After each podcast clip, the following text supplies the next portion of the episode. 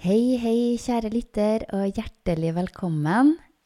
I dag så er vi så heldige at vi har med oss Heidi, Heidi Føland, som er en kunstner. Hun skal få lov til å ta en liten Vil du introdusere deg sjøl, kanskje, Heidi?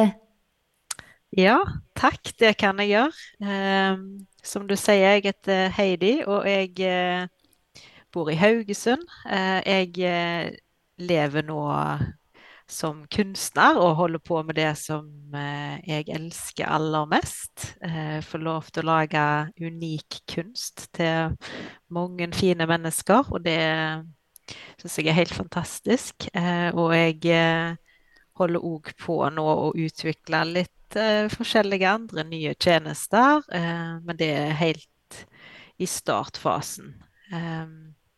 så tusen takk for at jeg fikk lov til å komme her og være gjest hos deg. Ja, tusen takk for at du ville komme. Du holder jo på med det er så spennende, det som du eh, lager. Det kan vi jo komme inn på litt seinere. Det er i forhold til at du skaper energibilder. Og i dag så er du her for å prate om det å bryte fri. Å bryte fri fra hamsterhjulet og den boksen som eh, veldig mange satt, er satt inni. Vil du fortelle litt om reisen din, hvordan eh, den har vært fram til nå? Ja, det kan jeg gjøre. Eh, når vi snakket om det at vi skulle snakke om det å bryte fri, så ble det veldig klart for meg at jeg har lyst å fortelle litt fra min historie. Eh, og dette med å gå fra å leve med angst eh, til å i dag være så fri at jeg kan sitte på en podkast og snakke her med deg. Fordi for noen år siden så hadde jeg aldri trodd at jeg skulle tørre det. Det hadde vært helt uaktuelt. Fordi eh,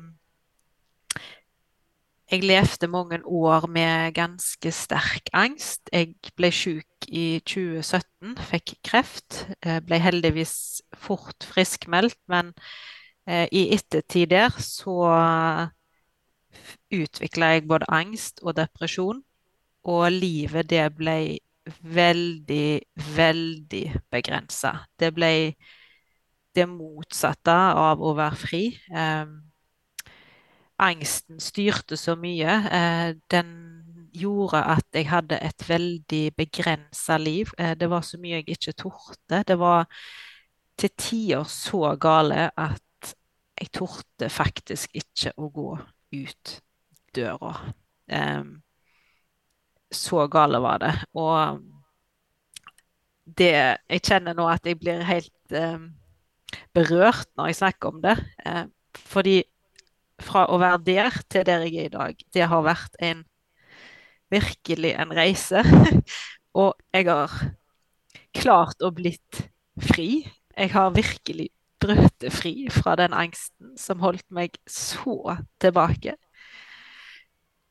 Og jeg har egentlig lyst til å fortelle historien min for at jeg håper at det kan inspirere noen andre som kjenner på angsten, som kjenner på begrensninger, som kjenner på at livet holder de igjen, som kjenner på at ting føles umulig og vanskelig. At det er mulig å snu det. Det er mulig å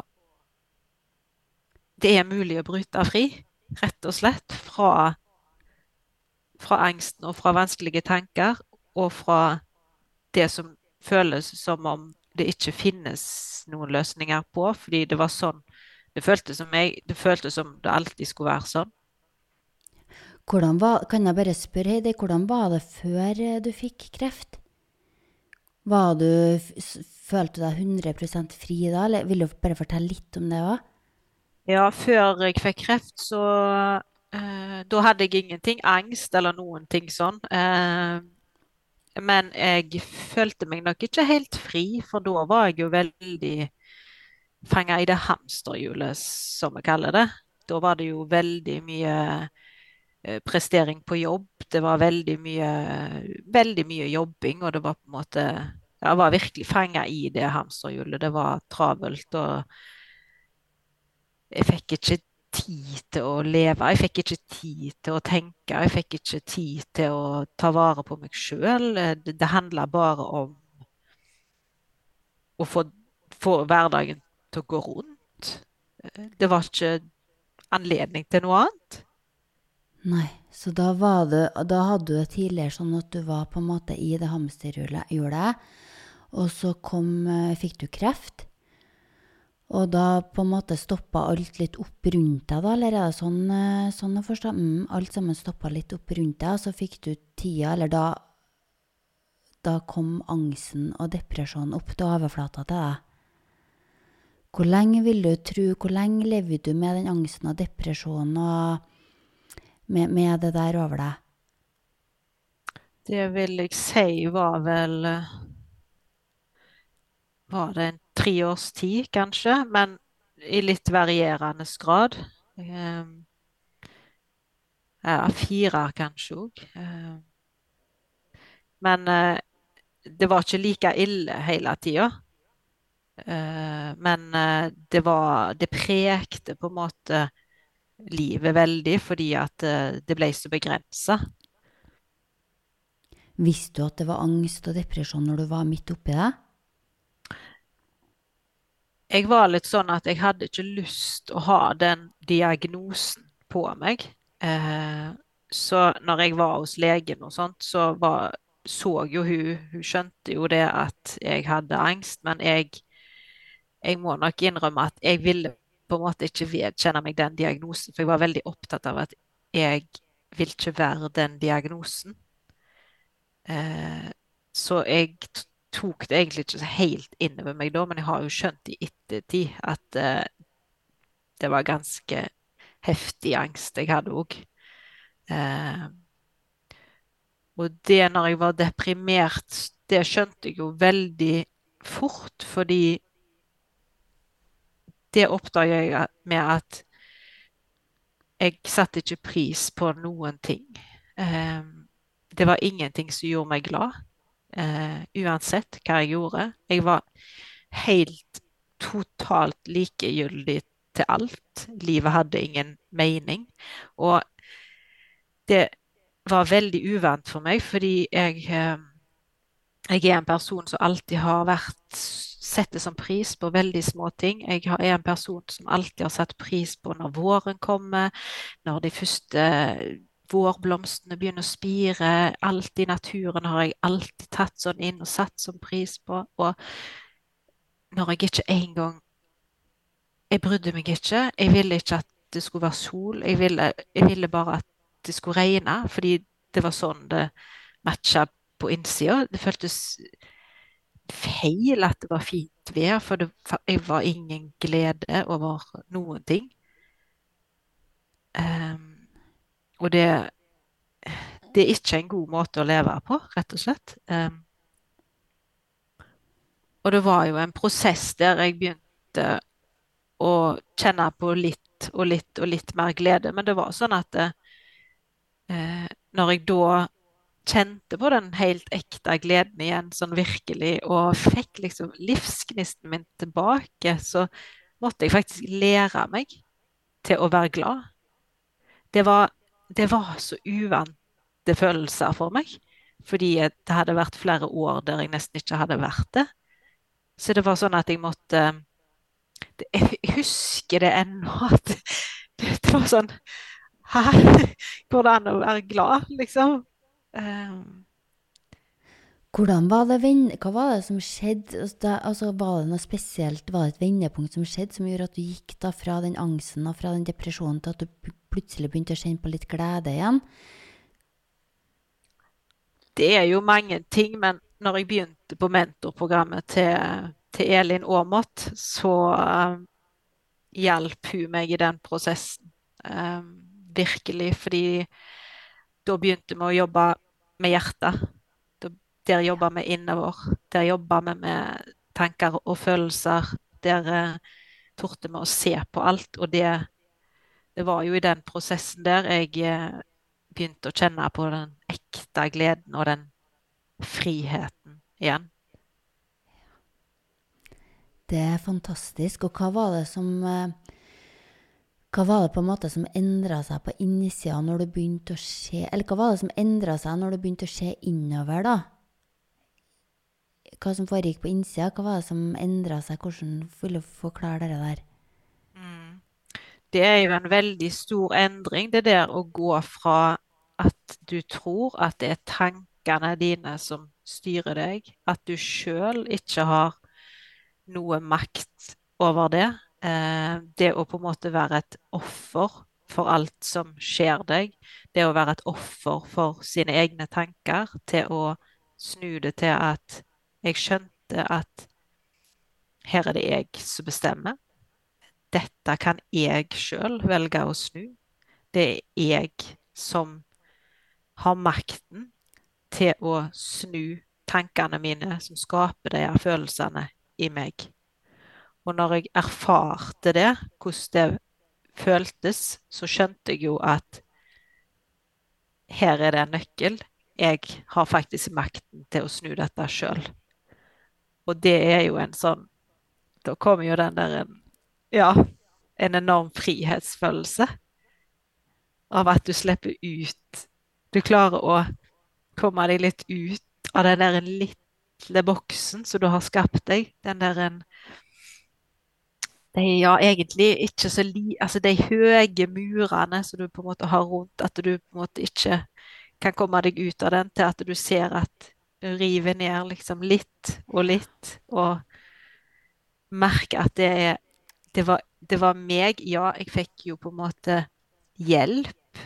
Jeg fikk veiledning. Men det var jeg sjøl som måtte gjøre jobben. Mm. Fordi når du skal jobbe på innsida, så er det ingen andre som kan tenke de tankene for deg. Det er ingen andre som kan snu tankesettet ditt den jobben må du gjøre sjøl. Det, det er så inspirerende å høre på, sa Heidi. Var det, var det etter det her, altså fordi at hvis at jeg, eh, du, du, hadde kreft, og så fikk du angst og så depresjon, og så begynte du å kjenne livsgleden igjen. Var det også da du begynte med energibildene? Ja, det stemmer. Det var det.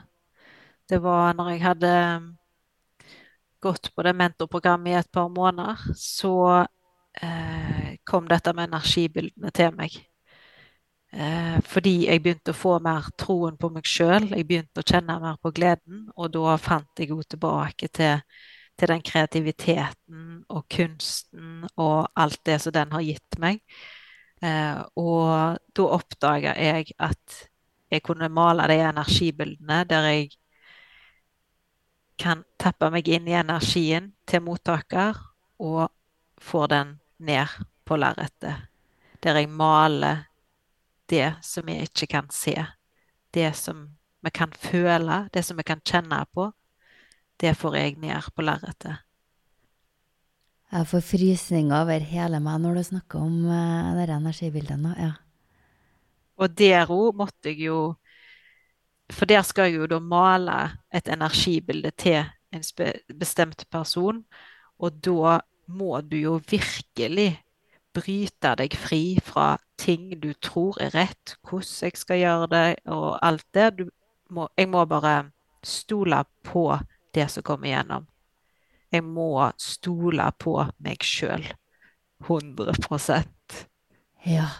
Så når du da egentlig kom i kontakt med deg sjøl, for det er jo det du gjør når du går innover og finner tankene og følelsene dine, og ser at du er så mye mer enn tankene og følelsene, og på en måte bryter gjennom det laget der, så kommer du, kommer du også i kontakt med noen unike sjelegaver, som da gjør at du kan koble deg på andre og male deres unike energibilder Sånn at den gaven her da er egentlig både en gave til deg sjøl og til andre som mottar den kunsten for deg, da.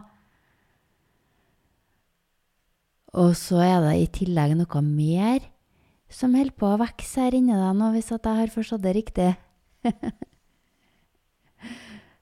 ja, når du snakker om sjelegaver. Jeg holder jo på å bli mer og mer den jeg er. Jeg holder på å la mer og mer av meg komme fram. Så jeg har jo oppdaga at eh, jeg òg har eh, healing-evner som eh, jeg da holder på å utforske. Som jeg ser kan virkelig hjelpe andre til å bryte fri. Fordi det er jo nettopp det jeg hjelper med eh, der òg. I eh, både veiledning og healing. Jeg hjelper andre til å bryte fri. Eh, fordi jeg tror kanskje at jeg er så god på akkurat det fordi jeg har vært igjennom dette her sjøl. Fordi jeg har gått alle de her skrittene. Jeg har kjent det på kroppen, jeg har jobba meg gjennom det. Og derfor har jeg òg nå en helt sånn unik erfaring der jeg kan bruke det til å hjelpe andre mennesker som trenger å bryte fri. Ja, sånn at du hjelper andre også å bryte gjennom det laget da, med tanker og følelser for å komme inn til kjernen i seg sjøl, sånn at de kan se det, det fantastiske mennesket som de er, ja. Ja. Hvordan kom du i kontakt med den healingkraften? Eh, det det var jo litt samme måte som når eh, det var med energibilden. Det bare skjedde. Det var egentlig litt det samme her òg. Og jeg fikk bare helt sånn intuitivt eh, beskjed om at eh, jeg skulle eh, spørre om jeg kunne sende healing til noen. Noen som jeg da på en måte kjenner. Eh, og så gjorde jeg det bare. Og så viser det seg jo at det er jo eh, veldig kraftfullt, og at det er store ting som skjer. Eh, og at det virkelig hjelper andre. Eh, så det var egentlig Ja, det var litt tilfeldig. Eh, men jeg, fulgte bare intuisjonen. Jeg fulgte hjertet mitt. Jeg fulgte det som kjentes rett. Og det er noe med å lytte til den intuisjonen. Lytte til den indre stemmen som gir deg beskjeder, men som ikke alltid er like lett å høre når eh, det er for mye kaos i hodet. Eh, men nå har jeg jo blitt veldig flink til å roe ned. Jeg har blitt flink til å lytte, og så har jeg òg blitt Jeg handler òg på, på det som intuisjonen sier, på det som magefølelsen sier. For det er jo Hvis en lar frykten styre seg der, så er det veldig lett å la være. Mm, og det, det, du sier der, er så viktig, det. Og faktisk For én ting er å høre på den magefølelsen, men en annen ting er jo faktisk å stole på den og gjøre det. Ikke bare høre det, men faktisk å gjøre det. Og har du opplevd at den blir sterkere jo mer du velger å lytte til den og gjøre det den sier? Absolutt. Og så ser jeg jo òg at det fører meg jo videre. Jeg ser at det skjer fantastiske ting når jeg følger den magefølelsen. Jeg ser at eh, livet åpner seg opp. Jeg ser at mulighetene kommer til meg. Eh, og òg det at det føles lett når jeg tør å lytte til den intuisjonen. Når jeg lytter til det, hjertestemmen. Når jeg handler etter det. Det føles ikke som et sånt kav. Uh, men det er en øvelse, og jeg er nok ikke en mester i det ennå. det hender at jeg eh, har tankekjør og ikke, ikke, klarer å lytte, men eh, det er jo det når du får bevis, på en måte, at eh, du ser at de valgene du tar når du har lytta til intuisjonen, det fører deg i rett retning. Det gir deg gode ting. Det det åpner mulighetene, så er det jo òg lettere å, å, lytte til han videre. Mm. Hvis det er noen som hører på her nå, er det som kjenner at de, de har noe mer inni seg, de har på en måte lyst til å bryte fri og kanskje starte for seg sjøl, eller bare gjøre et eller annet som kommer fra dypet i dem, men så aner ikke de hvordan de skal komme i gang. Hvordan tar man det første steget? Hvordan ja, hvordan gjorde du det? Hva er ditt beste steg? Altså den Instagram-kontoen der, der du har masse følgere og legger ut de fantastiske energibildene. For hvordan kommer man seg fra der man har lyst til å gjøre det, til at man faktisk gjør det? Det er jo litt å begynne helt i det små, og så godta at uh, veien blir til mens en går. Og gjerne sette seg noen mål, gjerne sette seg noen Ha noen drømmer. Eh, og så jobbe på en måte konkret mot deg.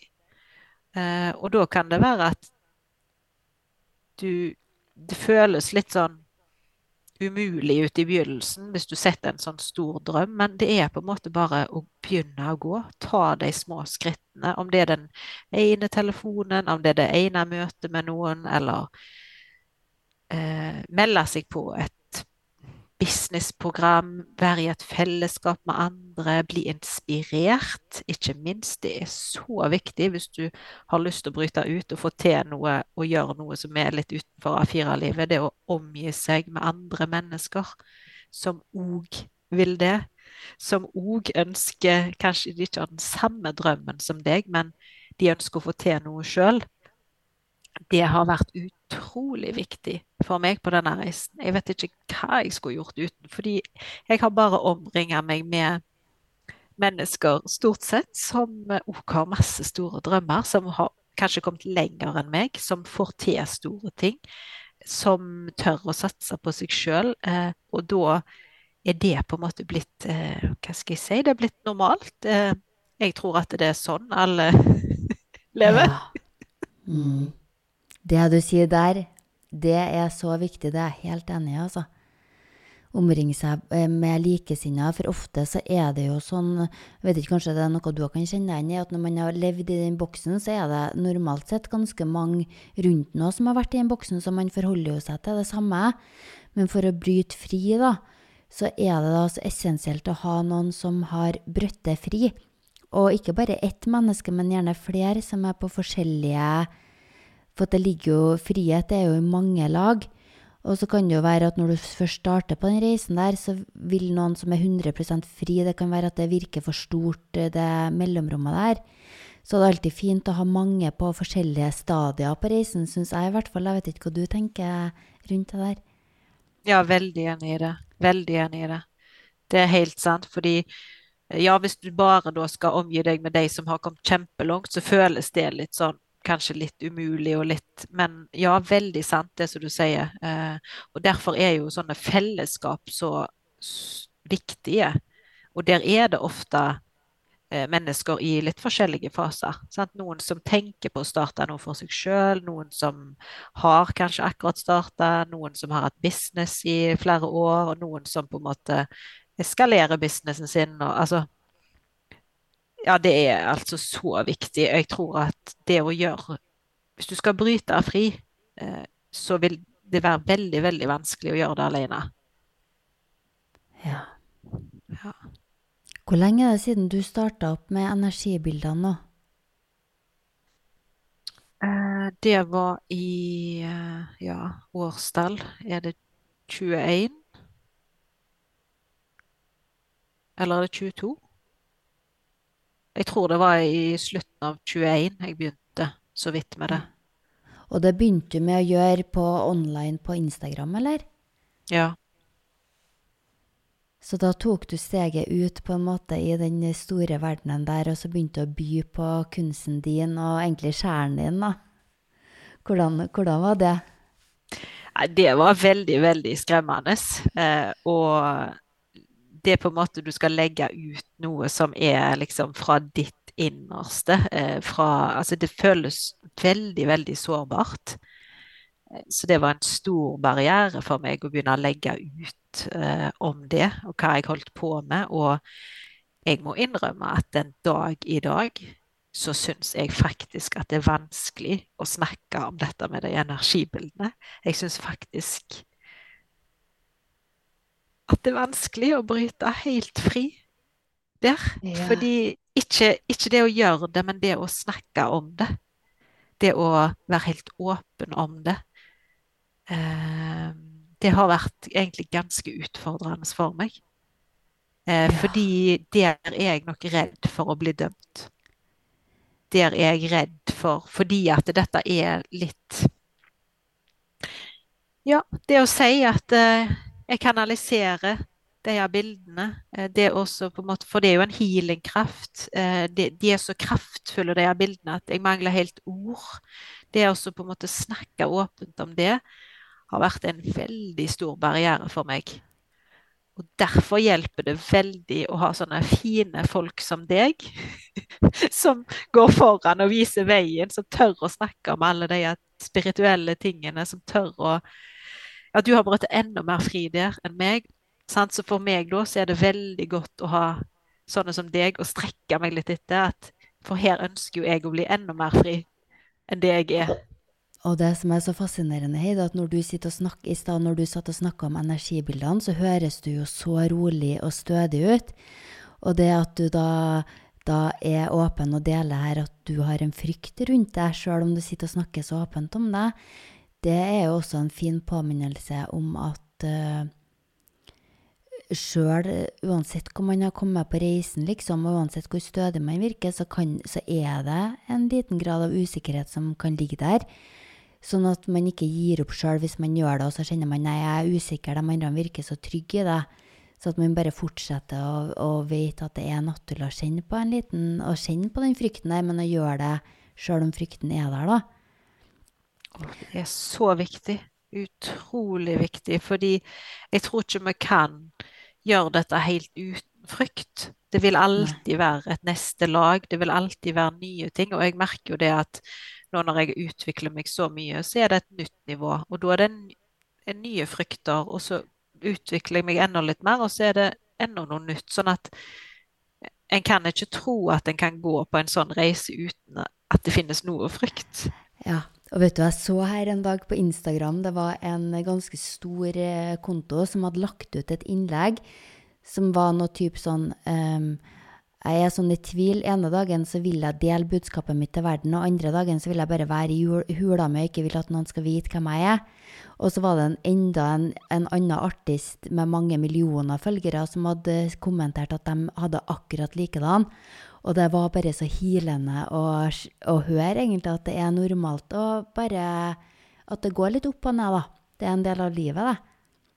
Ja, jeg tror det er veldig viktig å ha fokus på det òg. Eh, at folk er klar over det, at det ikke bare er lett. For det er jo veldig lett å tenke når du ser de store kontoene som virker som de får til alt, og at alt kommer lett til dem, og at det er veldig lett å tenke at de har ikke noe frykt. De har ikke noen barrierer. De har jo kommet så langt, så for dem er alt lett. Så det er utrolig viktig å òg vise den sida, men at det, òg går an å gjøre de tingene selv om en kjenner på en frykt, selv om det kan føles litt ubehagelig. For hvor, ja. hvor, hvor kommer en hvis en lar den frykten stoppe seg da? Da vokser en jo heller ikke, og en kommer heller ikke videre. Nei, man gjør ikke det. Og så tenkte jeg på i forhold til det med energibildene, da, for at uh, du kanalisere den energien sant, som skal ut til vedkommende. Og så lurer jeg på, har du, no, har du, noen gang vært i tvil? Har du tenkt sånn, skal jeg bare kalle vanlige bilder kunst, og på en måte prøve å passe inn i ramma litt der òg? Eller har du hele tida kjent at nei, vet du, dette her er energibilder, så det skal jeg ikke kalle noe annet? Har du prøvd liksom å snike det litt? Skjønner du hva jeg mener? Ja, jeg skjønner hva du mener. ja, altså det hadde jo vært fristende, for det hadde jo Nei, jeg har vel ikke tenkt at jeg skulle gjøre det. Eh, ikke akkurat med de energibildene, men eh, når du snakker om det, så tenker jeg jo litt sånn at det gjør jeg jo med de andre bildene mine. Eh, med på en måte de abstrakte bildene mine, f.eks. For, for de, de er så kraftfulle, og de har altså så mye på en måte beskjeder og sant? Jeg mangler jo helt ordene for det. Og det er jo noe sånn veldig sånn eh, sterkt som skjer når jeg skaper de bildene òg, når jeg ikke maler spesielt til noen. Det er den healing-kraften i de bildene òg. Og der kjenner jeg jo at eh, Der har jeg jo holdt veldig igjen og bare Her er et helt vanlig bilde. ja. Så Ja, nei, jeg jeg har nok eh, Ja, jeg har holdt litt tilbake der. Det har jeg. Fordi Men det det er som om dette er så mye større enn meg. Jeg klarer faktisk ikke helt å sette ord på det. Det har jeg merka så mange ganger med de energibildene. Så når jeg skal snakke om det, det er så mange som sier at kan du ikke snakke mer om det, og du må dele mer om det, og du må fortelle oss mer.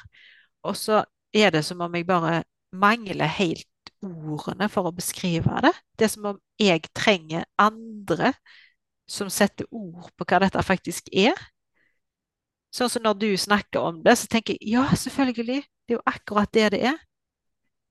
Men når jeg skal finne ordene, så blir de liksom bare vekke.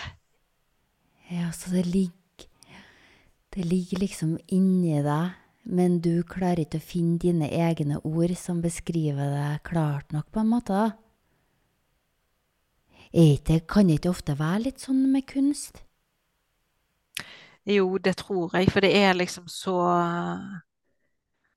det er, det er, på en måte fra sjelen min. Det er liksom så unikt. Det er så Det er på en måte Jeg deler på en måte noe av mitt innerste. Og det, det er jo fryktelig sårbart, på en måte. Mm. Eh, så, og så betyr det så mye for meg. Kunsten betyr så vanvittig vanvittig mye. Eh, og da kjenner jeg at det er fort at den redselen kommer.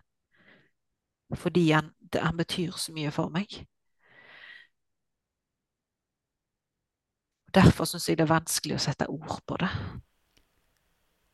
Ja, når du sier frykten som kommer, hvilken frykt er det som kommer til deg på det? Jeg tror det er Faktisk så ligger det en del frykt her når jeg skal gå ut med kunsten min og vise hva jeg skaper. Så ligger det nok en stor frykt her for uh, at jeg skal bli dømt, og for at det jeg skaper, ikke er godt nok. For at ja. kunsten min skal bli sett ned på. For at kunsten min uh, ikke står til kravene eller standarden eller eh, Ja, det er en eh, Jeg kjenner at det, det, Jeg har nok en frykt her, på en måte, for, liksom for ja, hva skal jeg si samfunnet, på en måte. Ja. Eh, og det er jo så sårbart når du skal dele noe som er på en måte da fra sjelen din, og så skal du legge det fram der, og så risikerer du at du får den der 'Dette er helt uh, Dette er ikke fint. Dette er ikke bra nok.' Du, altså å, Her er det en kjempestor frykt. Og så sitter du her og deler så åpent om det. Det syns jeg er helt fantastisk. Det er så inspirerende, da. For det er jo den frykten der, tror jeg det er så mange som hører på, som kan kjenne seg igjen i, uansett uh, Altså, man trenger jo ikke å være en kunstner for å kunne kjenne seg igjen. Det er jo veldig gjenkjennbart på alle mulige lag. Akkurat dette er frykten for uh, avvisning og frykten for å ikke være god nok. Og um, ja så, jeg, Nå kom jeg på jeg så en dokumentar i helga, Pop Night eller et eller annet. Det var masse store artister som var samla og spilte inn den sangen Um, hva heter den sangen som var for krig da, for mange år siden med Michael Jackson? Det var mange artister som samla seg. Um, og der var jo noen av de største artistene i verden samla på én uh, dag. Og de hadde altså sånn imposter-syndrom, mange av de artistene der. Og de ble sånn her Jeg klarer ikke, jeg kan ikke synge her, jeg står i rommet med han, liksom. Eller hun. Og det er liksom så gjenkjennbart, da, uansett, som vi var litt innpå i stad, uansett hvor man er på reisen, den frykten for å ikke være bra nok. Og den eneste måten, tenker jeg da, at man kan eh,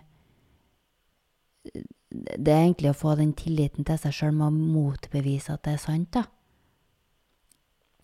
Det er jo mange måter å jobbe med, med herre her på Altså det, det, ligger jo, som du sier, flere lag her, ikke sant? så når du har kommet deg gjennom ett lag, så plutselig så dukker det opp, kan det dukke opp et annet lag. Og det kan jo ligge på det energetiske planet, det kan jo ligge på det emosjonelle, det kan ligge på tankene, og det kan ligge på det fysiske. Så jeg vet ikke hvordan Hvordan er det du eh, bryter gjennom det laget for å kjenne på enda mer frihet? Det er jo det å faktisk bli klar over det først. Hva er det egentlig som ligger her? Hva er denne frykten, eller hva er denne tingen jeg har lyst til å endre? Hva er det som skurrer her?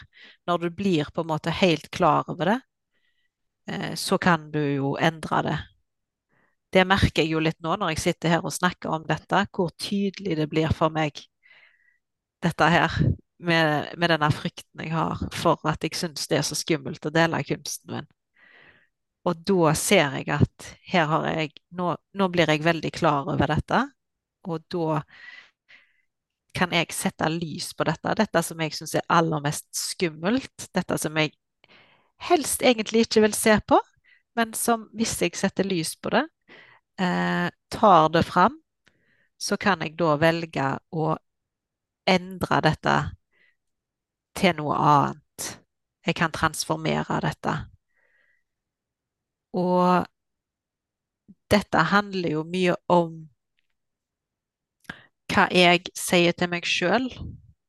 Det handler mye om hva jeg eh, velger å tro.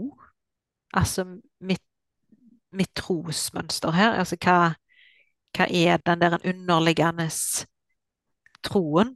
Sant? For hvis jeg skal tro at jeg ikke er at kunsten min ikke er god nok, så er det jo òg det som vil bli vist meg. Eh, men hvis jeg skal komme meg videre, så er jeg jo nødt til å på en måte snu dette til at jeg er god nok. Jeg har egentlig alt jeg trenger. Jeg, eh, jeg er allerede en kunstner. Jeg får allerede de tilbakemeldingene. Det er jo det å skifte det fokuset. Og, og, og før du blir 100, altså liksom helt klar over det, så er det så vanskelig å skifte det fokuset òg, fordi du får Du kjenner at det er noe som ikke stemmer helt, eller du åh, Men du må på en måte eh, løfte det opp helt i bevisstheten. Da kan du snu det. Da kan du endre det. Og én ting òg syns jeg hjelper veldig. Jeg har jo jobba på denne måten med veldig, veldig, veldig mange ting for å bli mer fri. Eh, jeg har jobba med så mange ting på denne måten. Og det å òg skrive ting ned, så du tenker på rundt den tingen, det har hjulpet meg ekstremt mye. Fordi det er noe med når du får ting ned på papiret så, så merker iallfall jeg at jeg ser at de tankene mine der, det er jo egentlig ikke sanne. Men så har det blitt en sannhet. Det har blitt en sannhet inni meg. Fordi jeg har Det har bare gått på repeat. Uh, og dette gjorde jeg spesielt mye jeg, jeg har jo jobba veldig mye med, med, min egen selvfølelse, for den har jo vært helt, helt, helt på bånn. Og i den prosessen så skrev jeg blant annet ned alt det som jeg sa til meg sjøl. Altså i tankene mine. Og når, ja. jeg så, når, jeg så, det på papiret, det var en så øyeåpner. Eh, det var helt forferdelig. Og, og da var det sånn Dette går ikke lenger. Dette skal jeg ta tak i. Dette skal jeg snu. Fordi før du ser det, før du er klar over det, så lar du det bare fortsette. Det går bare på autopilot, ja. Og så plutselig så ser man den mob mobberen man har inni hodet sitt, så blir det bare sånn Det her er jo ikke greit. Så det å skrive det, det gjør jo da at du får belyst Ja, at du får det opp i lyset. Det er jo det som er nøkkelen egentlig til å starte egentlig alt. da, Bare få det i lyset. Skriv det ned, eller sett ord på det, eller bare prate sånn som vi har sittet og prata nå, egentlig òg? Ja, det hjelper jo veldig å ha noen å dele ting med. Eh, når en skal være i en sånn endringsprosess og skal bryte fri fra ting og sånn, så er det jo helt nødvendig å ha noen, tror jeg iallfall, å snakke med. Noen å lufte det med, noen å sparre med. Eh, så det er kjempeviktig. Hva syns du det deiligste altså Hvis du tenker på livet ditt Heidi, fra da 2017, der du hadde kreft, og så ble det angst og depresjoner til nå, der du har brutt deg så fri som du er nå, hvis at du kjenner liksom på her du er nå på reisen din, hva er det beste med å være så fri som du er nå? Åh, åh, hva er det beste? Det er jo, det er jo at jeg er så fri. Jeg, føler meg så fri på innsida. Det er, det er en utrolig god følelse. Det er liksom Det er egentlig ingenting som på en måte holder meg tilbake. Jeg, jeg, jeg kjenner så godt at det er jeg, jeg som bestemmer. Det er jeg som er sjefen i mitt liv. Det, det er jeg som styrer dette. Det er en veldig god følelse. Og det er liksom sånn Nei, jeg skal ikke si at jeg ikke har noen ting mer å jobbe med. For det, sånn som det som kom opp nå, var jo Vi har jo, vi har jo alle noen lag å ta av. Det Målet er ikke å bli helt fri, men målet er jo bare egentlig å være bevisst på det som kommer, da. Det beste er rett og slett den eh, Den følelsen jeg har på innsida av å være tilfreds. Ja. Den roen jeg har i hjertet. Den har jeg på en måte Den har jeg alltid. Selv om det kan bli stress og jeg ikke alltid er like mye. Men han er der, på en måte, og det er en så god følelse. Å bare vite at jeg er akkurat her jeg skal være. Og det betyr ikke at jeg ikke har store drømmer, for det har jeg. Og det betyr ikke at jeg er tilfreds med at jeg bare har kommet her til og ikke skal lenger. Men det er en underliggende følelse av å være tilfreds i livet. Ja. Kan jeg forklare det litt sånn at man har eh, Er det sånn at vi har gått liksom hele livet og på en måte vært da fanga i tankene og følelsene og ikke tenkt så mye over noe mer, til at man finner da en sånn sunn og trygg og rodig og stødig del i seg sjøl, som vi da klarer å leve parallelt med, samtidig Altså, vi har den stødige delen som er tilfreds og kjenner seg egentlig helt fri, parallelt med at vi har andre deler i oss da som kjenner at de har behov for å vokse mer, eller som kjenner på frykt, eller Men vi har liksom funnet den stødige, trygge delen i oss som vi nå kan begynne å gi mer og mer omsorg og kjærlighet, og la oss lede av, da, rett og slett, i livet. Ja. Det er som om eh, når en kommer dit, så er en på en måte sitt eget fyrtårn. En er liksom sitt eget lys. En har liksom den der en, den inni seg. Og det gir en sånn enorm stødighet, en enorm sånn trygghet i bånn. Det er som om Ja, da står du stødig, og det er liksom Selv om det stormer rundt, så er liksom den der en Kjernen er, er så sterk. Ja. Du har kommet i dyp kontakt med deg sjøl. Ja, jeg føler virkelig det. Og ja, det å komme hjem til seg sjøl. Mm. Finne tilbake til seg sjøl. Bak alle de lagene. Det, det er en enorm befrielse. Fantastisk. Du Heidi, før vi avslutter her, så lurer jeg på i forhold til For at du har jo gått eh, fra å på en måte leve på en viss måte til å leve på en annen måte. Og dette her har jeg lurt så mye på tidligere, da. Hvordan er det egentlig for dem? Hvordan har det vært for dem med tanke på dem rundt deg?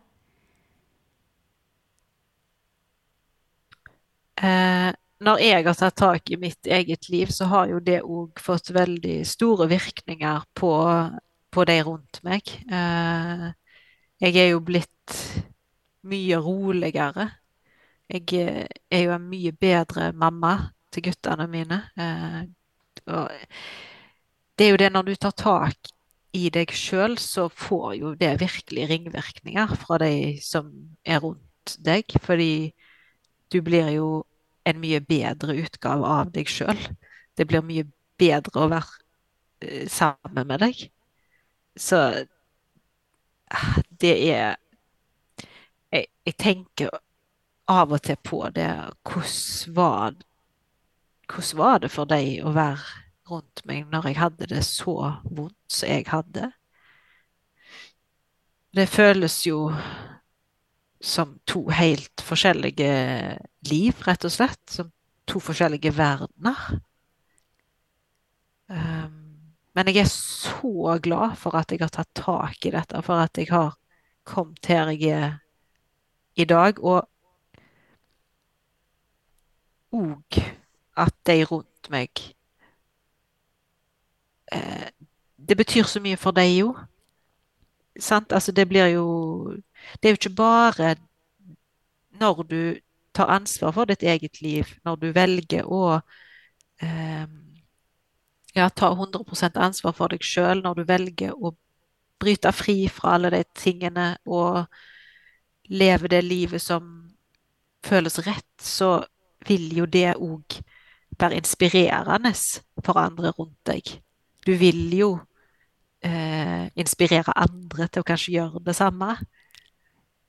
Ja, og det ordet som du bruker der, å velge, å velge å utvikle deg, å velge å ta tak i ditt eget liv, det, det, er jo det som er nøkkelen, at det er jo et valg som vi alle sammen har. Det er ikke noen som er privilegert på det området, altså.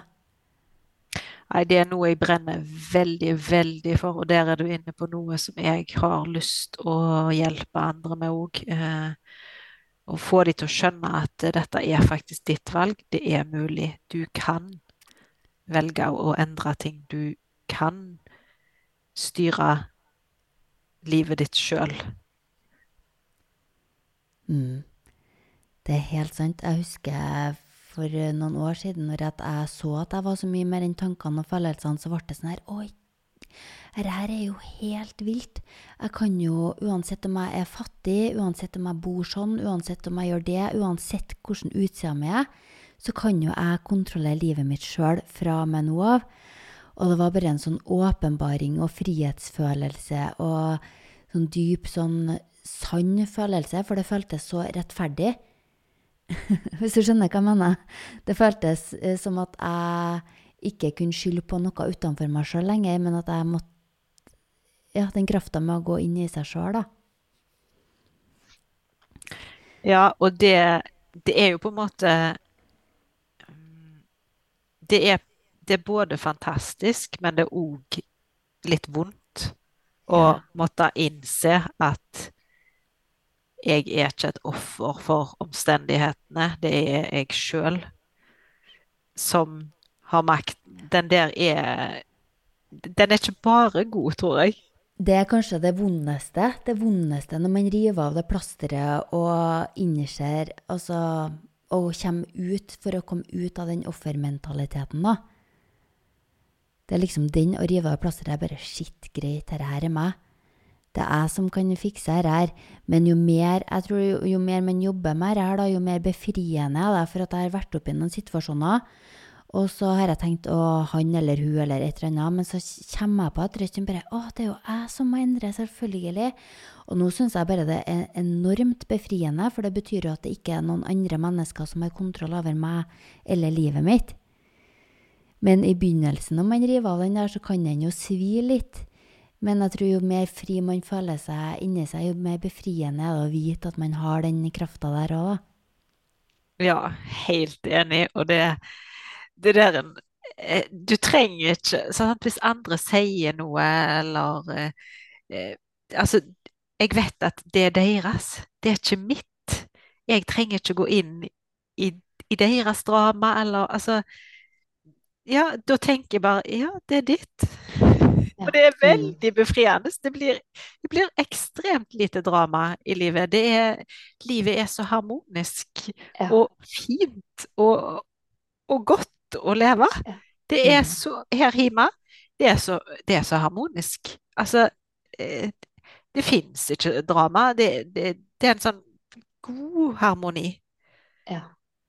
Ja, det er helt fantastisk. Det er vel kanskje noe av det mest eh, også som er befriende, at uh, livet blir uh, dramafritt. Ja, jeg tror ikke jeg er i stand til å gå inn i noen sånn dramagreier engang. Jeg tror ikke det, det, går ikke med denne bevisstheten. Nei, nei. Har du prøvd å se på Klarer du å se på drama på TV-en? For det får ikke jeg til å gjøre noe lenger. Jeg har prøvd å se på hvis det har vært noe reality eller drama eller konkurranser, ting som jeg kunne ha likt før.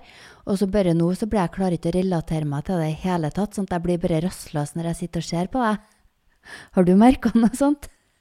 Eh, jeg tror jeg ser lite på sånne ting. Jeg tror ja. egentlig alltid jeg har sett lite på, på sånne ting som det der. Men ja, jeg hadde sikkert kjent det samme. Ja, du har aldri sett Nei, for jeg tror jeg så mye på det. Jeg tror jeg brukte det som en sånn Istedenfor å ta tak i mitt liv, så så jeg heller på det til andre før.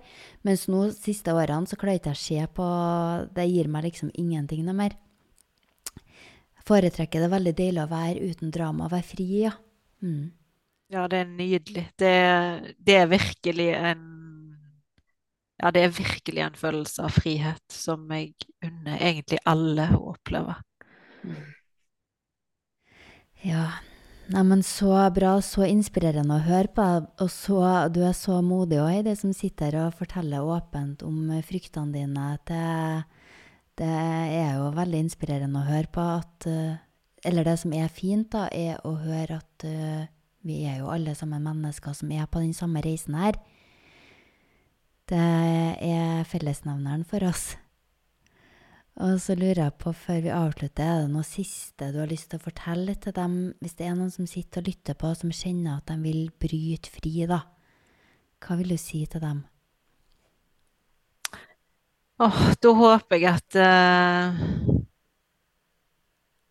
At de kan uh, skjønne at det er mulig, når de, kan, når de, hører sånne historier som jeg har fortalt i dag, uh, at det å bryte fri fra det livet du har hvis du ikke er fornøyd, hvis du ikke har det godt, det er faktisk mulig. Eh, og det må bare begynne i det små. Eh, og så må bare veien bli til mens du går. og ja, søk hjelp. Finn noen å snakke med.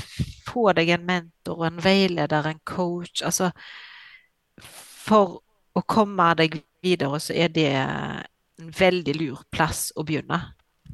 Ja. Det er jeg helt enig i, å få støtte av noen som Jeg er sikker på at alle sammen klarer å gjøre dette her helt alene, men jeg er sikker på at det går mye raskere å få støtte av noen. Og så blir det har fått du ser deg sjøl klarere raskere, så det er alltid Det er mitt beste råd å få en mentor eller noen som kan støtte deg på den veien, sånn at man har noen å gå sammen med. Også.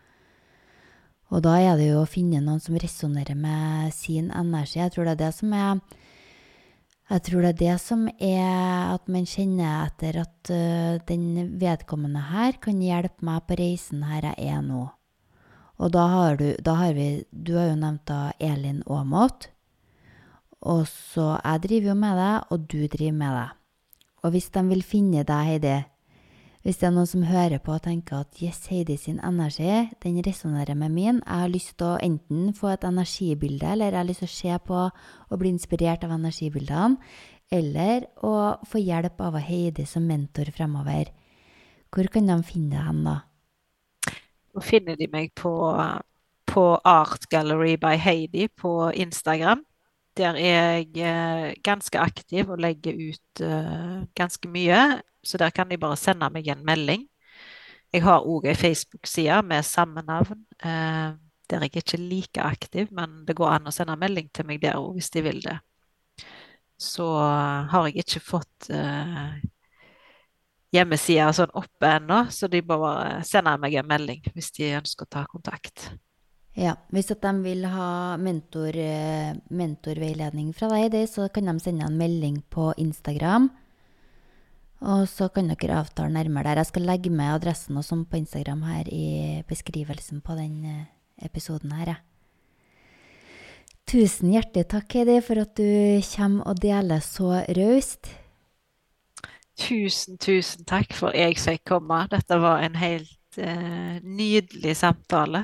Eh, og det var veldig Ja, det er noe med det å dele fryktene sine òg. Og jeg kjenner jo nå allerede nå på en, eh, en, et, en ny grad av frihet. Når jeg nå har tort å sitte her og snakket åpent om det. Så tusen takk. Yeah, fantastisk! det er kjempebra. Og tusen takk til deg som eh, var med og lytta. Ha det!